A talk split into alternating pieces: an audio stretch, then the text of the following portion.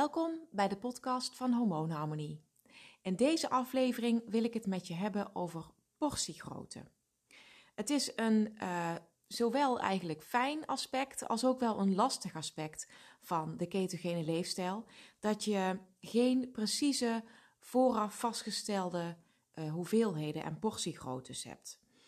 Um, ik vond dat destijds op zich wel fijn, bijvoorbeeld bij Weight Watchers, dat je precies weet van nou, ik mag zoveel punten eten en ik mag zoveel. Uh, dat betekent dus dat ik zoveel gram van dit en zoveel gram van dat mag eten. Op zich uh, is dat aan de ene kant heel fijn en geeft het duidelijkheid. Aan de andere kant is het natuurlijk ook wel wat lastiger en uh, vergt het wat meer voorbereiding, vergt het wat meer, meer tijdsplanning. je moet veel meer afwegen. En ik hou nogal van het koken uit de losse pols. En wat bovendien lastig is, kijk, toen ik, uh, even denken, wat is het, twintig jaar geleden of zo, uh, bij Weetwatchers was, ja, toen was ik alleen. Um, dus toen was het heel makkelijk voor mij om um, voor mezelf dingen af te wegen en uh, ja, precies af te meten hoeveel ik van alles ging eten. Maar nu, met een gezin, met kinderen, is dat een stuk lastiger. En waar ik juist van houd, is ook van overschotels of uh, schalen of, of pannen met uh, eenpansgerechten, zeg maar, met vlees en groenten en, en saus en alles door elkaar heen. Ja, dan wordt het natuurlijk heel erg lastig om precies af te gaan meten en af te gaan wegen welke portie dan voor jou is en hoeveel vlees en hoeveel groenten jij dan precies binnenkrijgt. Maar het voordeel is dus tegelijkertijd ook dat dat niet hoeft bij het ketogeen dieet. Ik heb het in de vorige aflevering ook al gezegd. Het belangrijkste is dat je leert luisteren naar je lichaam. Maar goed, het is natuurlijk toch wel fijn om een aantal richtlijnen te hebben waar je je aan kunt houden. Laat ik dan eens beginnen met te kijken naar de proteïne. dus het, het uh, vlees of de vis uh, die je in je maaltijd uh, stopt.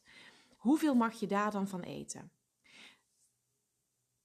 Ik ga eigenlijk uit altijd van zo'n 100 tot 140 gram uh, vlees of vis per persoon per maaltijd.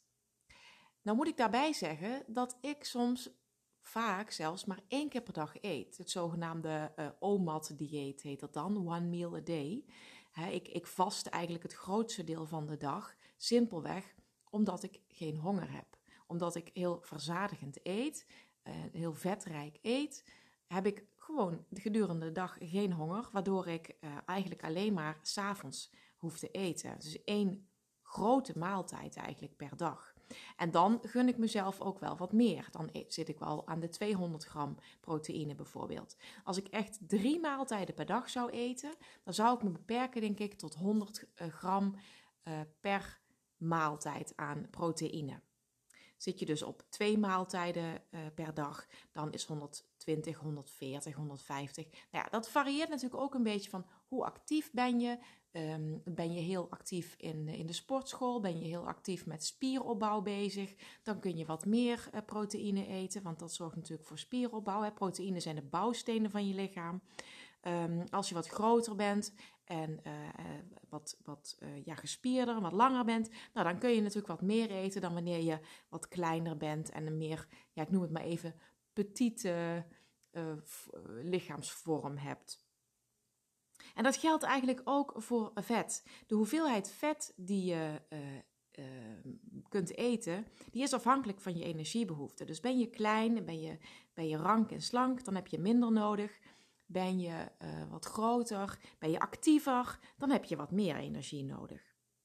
Maar hoe weet je dat dan nou? Moet je nou calorieën gaan tellen of moet je nou gaan wegen? Of kun je gewoon eten tot je verzadigd bent? Nou, de uh, makkelijkste manier eigenlijk om aan te houden is, als je, is dat je eerst ervoor moet zorgen dat je je lichaam aanpast aan die vetverbranding.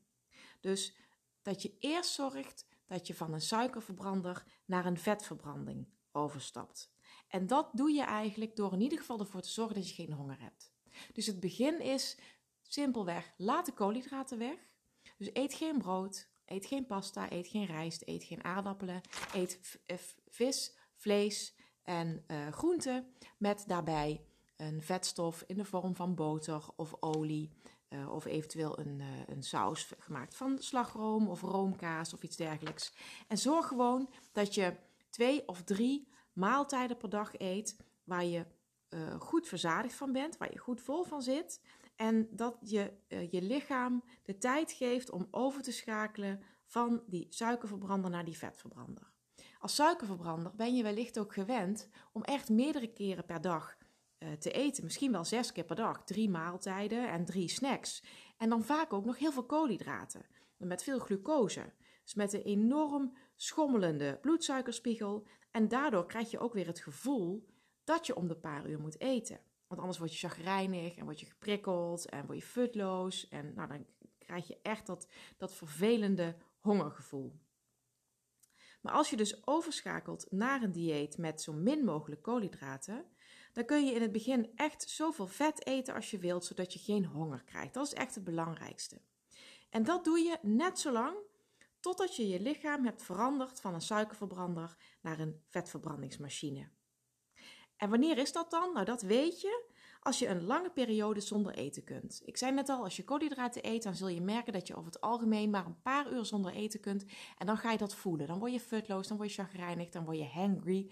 En dan um, Dan word je geprikkeld. En nou ja, dat, dat is een teken dat je, dat je nog niet bent overgeschakeld. Maar als je echt een lange tijd zonder eten kunt, zonder dat je hangry wordt, zonder dat je het gevoel hebt dat je flauw valt als je niet nu meteen iets te eten krijgt, dan is je lichaam overgeschakeld op die vetverbranding. En wat is dan een lange tijd? Nou, ik denk toch zeker wel 12 uur. Dus je moet in staat zijn om 12 uur en daarmee inclusief de nacht uiteraard. Hè. Dus dat je bijvoorbeeld van echt van, de, uh, van 7 uur s avonds tot met gemak 7 uur s ochtends zonder eten kunt. Zonder dat je een rammelende maag hebt. Zonder dat je uh, chagrijnig wordt. Of zonder dat je het gevoel hebt dat je flauw valt van de honger.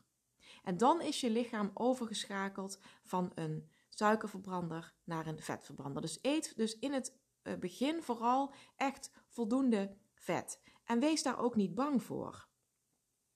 En dan, als je lichaam eenmaal gewend is aan dat vet, dan kun je je vetinname wat gaan aanpassen. Want dan ga je, wil je en dan wil je ook je lichaamsvet als uh, brandstof gaan gebruiken, zodat je gaat afvallen. Dus als je nog gewicht wil verliezen, dan is het vooral belangrijk om niet te veel extra vet te blijven toevoegen in de vorm van uh, vetbombs of hè, tussendoortjes of, of bullet koffie, dus uh, boter in je koffie en dergelijke. Dus als je lichaam eenmaal gewend is aan die vetverbranding en overgeschakeld is naar, als vetverbrandingsmachine, dan gaat je lichaam ook dat vetreserve gebruiken als energiebron. En dan is het voldoende om uh, bijvoorbeeld gewoon wat vette vleessoorten te eten. Dus lekker een speklapje, uh, kipdijfilet in plaats van kipfilet, hè, dat is ook vetter, uh, kaas. maar dan hoef je niet echt hopen extra vet toe te voegen in de zin van um, slagroom, sauzen of extra veel boter of iets dergelijks. Doe dan gewoon wat boter bij, de, bij het gerecht om te braden. Doe gewoon wat olijfolie over je salade heen en dan moet dat echt voldoende zijn. Dus als je begint met een ketogeen dieet, wellicht iets meer vet. Als je bent gewend, schakel je een beetje terug.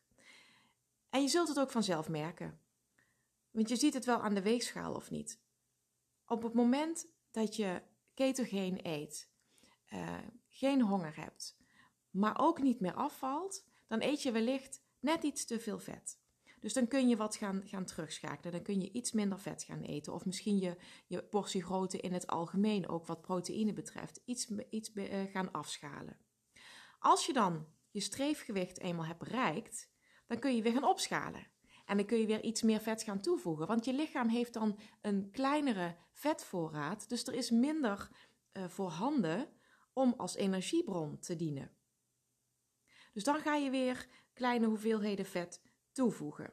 In de vorm van boter of olie. Of uh, die bullet koffie waarbij je boter of kokosroom bijvoorbeeld in je koffie doet of iets dergelijks. Of dan neem je eens een, een, een, een dessert. Of dan neem je eens een tussendoortje in de zin van een vetbom. Of een, uh, het geldt overigens ook voor, voor tussendoortjes als koolhydraatarme cakes of taart of iets dergelijks. Die, um, dat zijn dingen die zijn allemaal heerlijk en die zijn koolhydraatarm. Um, maar die, zoals ik al zei, die zijn vaak koolhydraatarm en niet per definitie um, uh, caloriearm. En uh, ook niet heel erg extreem laag in calorieën. Dus misschien koolhydraatarm, maar niet bij definitie ketogeen. Ik merk het zelf altijd als ik uh, bijvoorbeeld een cake gemaakt heb, of eigenlijk ook gewoon als ik uh, wat te veel nootjes gegeten heb, of ik heb een cake gemaakt van bijvoorbeeld amandelmeel. Dat is prima om daar een keer een plakje van te eten.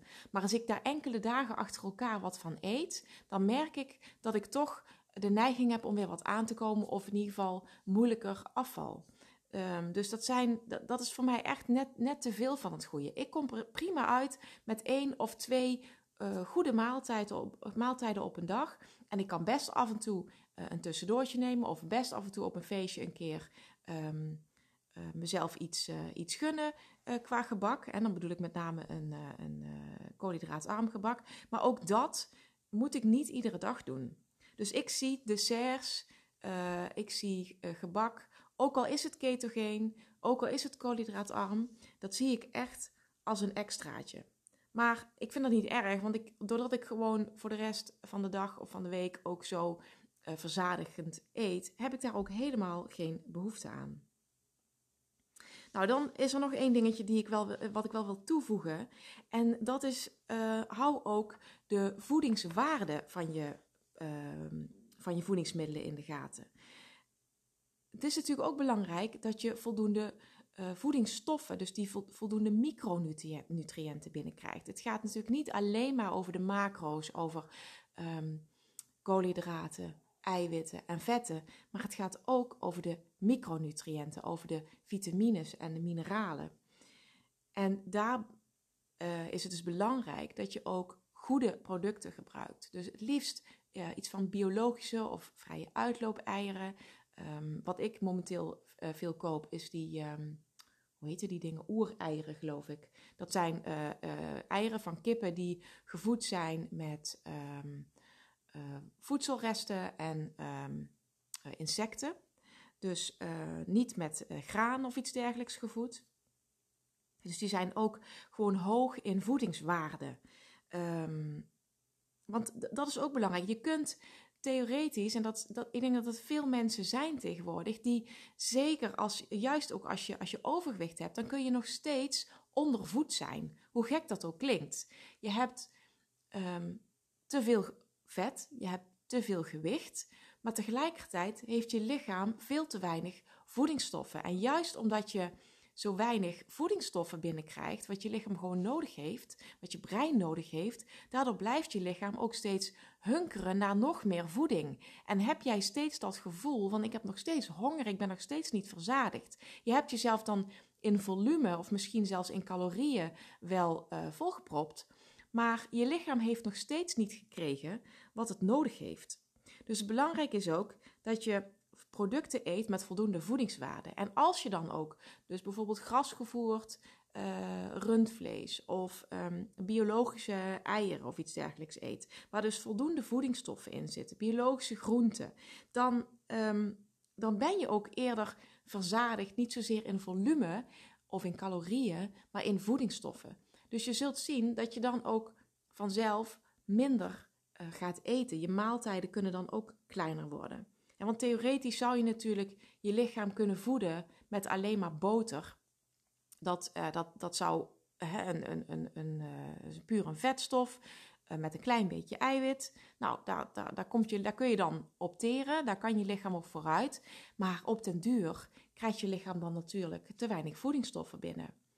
Boter is een voedingsmiddel met een hele lage voedingswaarde, heeft een hele hoge caloriewaarde, maar een hele lage voedingswaarde.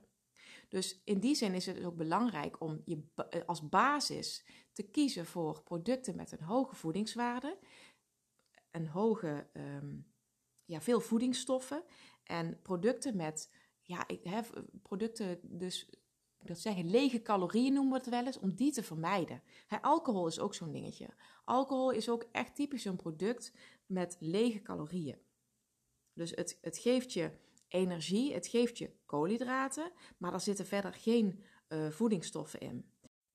Samengevat zou je dus kunnen zeggen: eet voedingsmiddelen met een zo hoog mogelijke voedingswaarde, met zoveel mogelijk micronutriënten, zodat je echte voedingsstoffen binnenkrijgt en niet ondervoed raakt, ondanks dat je te veel calorieën eet. Dus voldoende voedingswaarde. Eet een gewone hoeveelheid, normale hoeveelheid proteïne, rond de 100, tussen de 100 en 150 gram. Neem 120 gram bijvoorbeeld als gemiddelde. Ben je wat kleiner van stuk, neem je, uh, ga je 20 gram lager zitten. Ben je wat groter, ga je 20, 30 gram hoger zitten. En uh, eet zoveel mogelijk vezels. Eet groene groenten, verse kruiden, verse groenten. Geen granen, geen suikers, geen zetmeel. En uh, vul dat aan met vet naar behoefte. In het begin ben je nog aan het omschakelen, kan dat dus gerust wat meer zijn, zodat je echt geen hongergevoel hebt. En als je eenmaal bent overgeschakeld, als je echt 12 uur zonder maaltijd kunt, dan ga je de hoeveelheid vet langzaam afschalen. Dit was het weer voor vandaag. Bedankt weer voor het luisteren. Ik hoop dat ik je kan inspireren. En uh, mocht je het leuk vinden, deel deze podcast dan op social media. En laat eventueel een review achter op uh, de uh, Apple Podcast. Tot de volgende keer.